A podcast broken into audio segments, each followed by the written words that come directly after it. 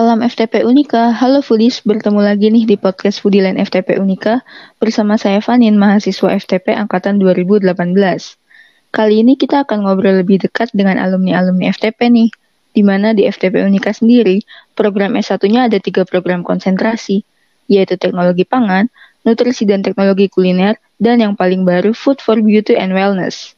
Oke, biar tidak semakin penasaran kali ini kita akan ngobrol dengan siapa, Langsung saja sudah hadir bersama kita, ada Kak Aldo dan Kak Marisa.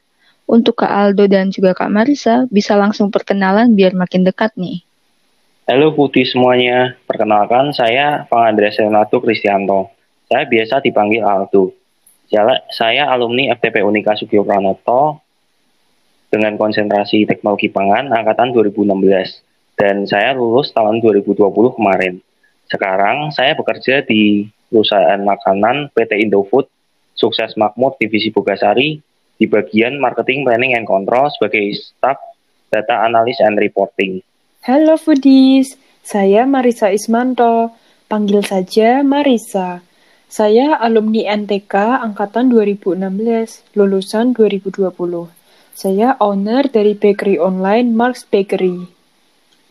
Oke Foodies, sudah semakin kenal dengan mereka ya? Pasti juga banyak yang penasaran nih. Kenapa Kak Aldo dan Kak Marisa akhirnya memilih FTP Unika sebagai tempat kalian berkuliah? Jadi dulu saya bersekolah di SMA Kristen YSKI Semarang. Dan sewaktu saya kelas 2 SMA, waktu itu diadakan edufair dengan mendatangkan beberapa perguruan tinggi di sekolah saya. Dan waktu itu saya mengenal Unika beserta beberapa program studinya. Saya sendiri tertarik masuk di FTP Unika Sugio Pranoto Semarang karena FTP merupakan salah satu program program studi unggulan di Unika dan juga program studi teknologi pangan itu sendiri memiliki prospek kerja yang luas karena semua orang dari berbagai kalangan di sini memerlukan makanan dan bisnis soal makanan itu tidak ada habisnya. Selain itu di Unika sendiri ini disediakan beberapa beasiswa. Waktu masuk itu sendiri Setahu saya pada waktu itu disediakan beasiswa prestasi dan juga beasiswa olahraga. Sehingga lewat beasiswa ini saya bisa membantu meringankan beban orang tua saya. Kalau saya waktu itu pertama kali mendengar jurusan nutrisi dan teknologi kuliner pada saat masih bersekolah di SMA Sade Sapiense Semarang. Saya sangat tertarik dengan jurusan ini karena saya memiliki passion di bidang kuliner khususnya bakery. Selain mempelajari kuliner, kita juga dapat mempelajari nutrisinya. Menurut saya, masuk ke jurusan ini sangat sesuai untuk menuntun saya mendalami ilmu sesuai dengan bakat dan minat saya. Wah, ternyata itu foodies alasan mereka memilih FTP Unika. Kak Aldo dan juga Kak Marisa. Mungkin selama kuliah di FTP sudah pasti ada hal-hal yang tidak bisa dilupakan dan sangat berkesan. Jadi kita ikut penasaran nih, pengalaman apa yang paling berkesan untuk Kak Aldo dan juga Kak Marisa selama di FTP? Jadi tentunya banyak sekali pengalaman yang berkesan sewaktu kuliah di FTP Unika. Karena di sini saya mendapatkan banyak teman, banyak ilmu, dan juga melatih sosial saya selama saya berada di dunia kuliah. Dan di, di sini tidak hanya sebatas kuliah pulang, kuliah pulang, tetapi juga ada beberapa kegiatan seperti kepanitiaan, organisasi, dan berbagai macam seminar. Selain itu, selain kuliah di kelas, kami juga diajarkan untuk melakukan praktikum. Praktikum itu sendiri merupakan kegiatan yang berguna untuk mempraktikkan apa yang sudah kita pelajari di dunia kuliah di kelas. Setuju banget nih Aldo. Uh, kalau ngomong-ngomong tentang praktikum ya, saya rasa waktu kuliah itu praktikum sangat lama dan melelahkan. Tapi setelah lulus, justru itu bagian yang paling mengesankan saat di kampus. Apalagi di NTK, banyak praktikum di kitchen, di mana kita seharian masak-masak dan hasilnya kita makan bersama teman-teman. Wah, semakin rindu dengan masa-masa kuliah ya. Lalu apa kegiatan Kak Aldo dan Kak Marisa sekarang setelah lulus? Kalau saya, keseharian saya ini uh, memanage bakery online saya secara full time. Usaha online bakery ini sudah saya rintis sejak Januari 2017. Waktu itu saya masih kuliah semester 2 nih. Sebenarnya saat kuliah pun saya juga sambil berjualan. Namun tentu saja jumlah produk yang bisa saya buat sangat terbatas. Jadi setelah lulus kuliah, saya benar-benar mendedikasikan waktu dan tenaga sepenuhnya untuk mengembangkan lagi usaha selama empat tahun ini. Saya bekerja keras dan mulai menabung untuk menambah investasi peralatan seperti mixer dan oven. Selain itu, saya juga perlahan menambah menu sedikit demi sedikit. Dari usaha yang awalnya khusus lapis legit saja, sekarang sudah ada berbagai macam roti dan kue lainnya. Kalau keseharian saya sendiri, sewaktu selesai dari masa kuliah, saya bekerja di Bogasari di bagian marketing, planning, and control. Di sini saya diajarkan untuk bagaimana memaintain produk-produk tepung dan juga saya diajarkan untuk mengolah data-data mengenai penjualan-penjualan tepung.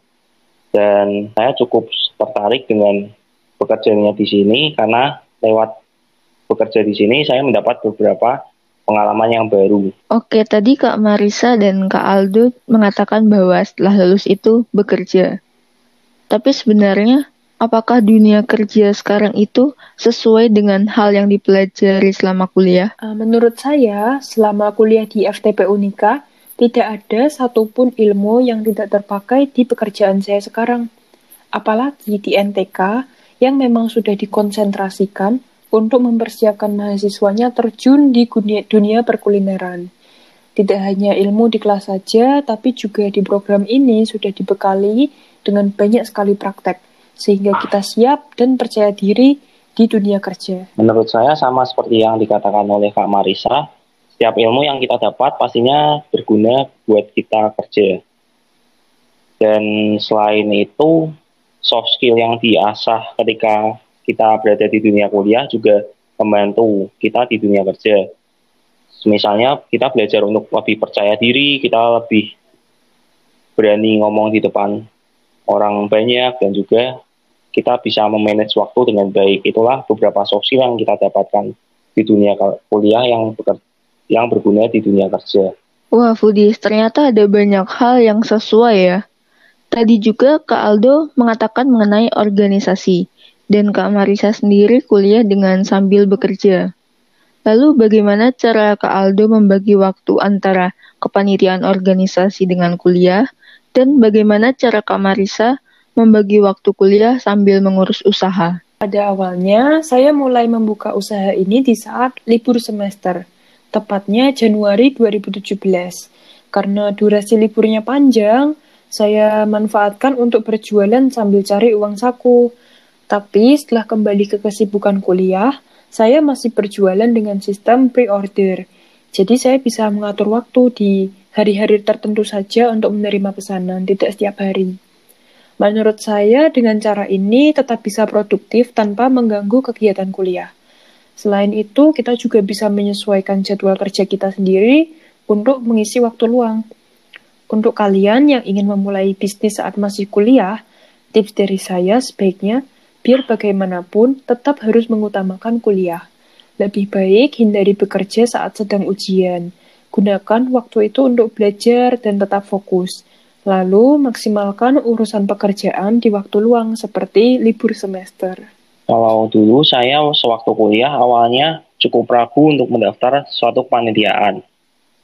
Dan tapi akhirnya saya diajak oleh beberapa teman saya dan didorong terus oleh kakak-kakak tingkat saya dan saya mengikuti beberapa kepanitiaan di awal saya kuliah. Hingga tahun kedua dan tahun ketiga saya mengikuti beberapa macam kegiatan seperti saya mengikuti senat mahasiswa Fakultas Teknologi Pertanian dan juga beberapa kepanitiaan dan juga seminar-seminar lainnya. Waktu dalam menjalankan aktivitas di luar kuliah, saya membagi waktu di mana saya menempatkan organisasi dan juga kepanitiaan-kepanitiaan lainnya di nomor yang kedua Sedangkan nomor pertama saya tetaplah kuliah, tetaplah belajar. Karena pada dasarnya mahasiswa itu sendiri itu tugasnya belajar. Dan saya membagi kepanitiaan-kepanitiaan itu menjadi beberapa skala prioritas. Misalnya ketika kepanitiaan A akan mulai, itulah yang akan menjadi prioritas saya dan saya sedikit mengesampingkan kepanitiaan lainnya. Hal itulah yang bisa membuat saya bertahan dan tetap survive ketika di dunia kuliah. Dan jangan khawatir teman-teman kalau kepanitiaan-kepanitiaan atau organisasi di kampus Unika ini tidak mengganggu jadwal kuliah. Jadi ketika ada rapat, rapatnya akan diadakan di sore hari, hari setelah masa kuliah.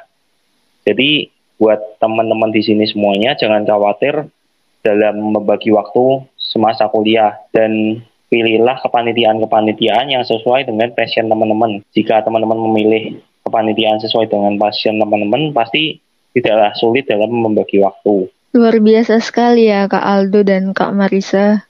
Oke Foodies kita jadi tahu ya bagaimana cara mereka membagi waktu. Untuk Kak Aldo dan Kak Marisa, pasti dalam merintis sebuah karir itu ada suka dukanya. Menurut Kak Aldo dan Kak Marisa sendiri, suka dukanya apa? Dan strategi apa yang dipersiapkan sebelum lulus? Jadi sewaktu saya selesai menyelesaikan skripsi saya, saya mulai mendaftar di salah satu industri pangan di Bogasari ini sendiri sebagai komersial trainee awalnya. Dan waktu itu uh, saya terhalang oleh wabah corona karena proses rekrutmen perusahaan sendiri sempat terhenti karena akibat corona itu sendiri. Tapi di situ saya belajar untuk bersabar, tetap menunggu hingga akhirnya pada bulan Juli saya dipanggil oleh Bogasari untuk mengikuti psikotes, wawancara, dan juga medical check up. Dan akhirnya saya di Bogasari bekerja mulai bulan Agustus 2020. Dan apa yang harus dipersiapkan, jadi sewaktu dulu saya kuliah, di semester 4 di tahun kedua saya kuliah, saya mulai membuat CV saya menggunakan aplikasi Canva. Selain itu, saya juga membuat akun di salah satu platform LinkedIn, di mana di situlah uh, tempat untuk kita mencari suatu lowongan pekerjaan. Dan buat teman-teman di sini yang mungkin mendengarkan dan sudah mulai tahun kedua, mulai buatlah LinkedIn karena di di situlah kita bisa menemukan pekerjaan yang kita inginkan. Dan ketika saya masuk di Bogasari itu sendiri, tentunya penuh tantangan karena jurusan yang saya ambil sewaktu di kuliah itu uh, sedikit menyimpang dari kuliah saya, dari pekerjaan saya.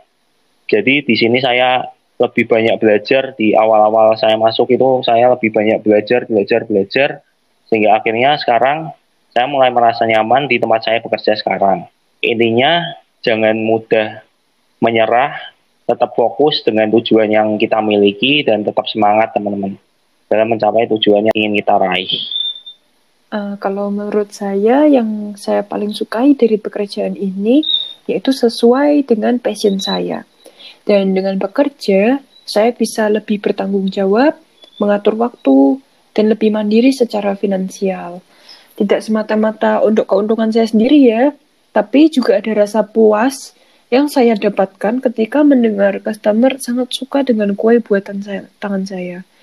Di sisi lain, tentu juga ada dukanya selama merintis usaha ini.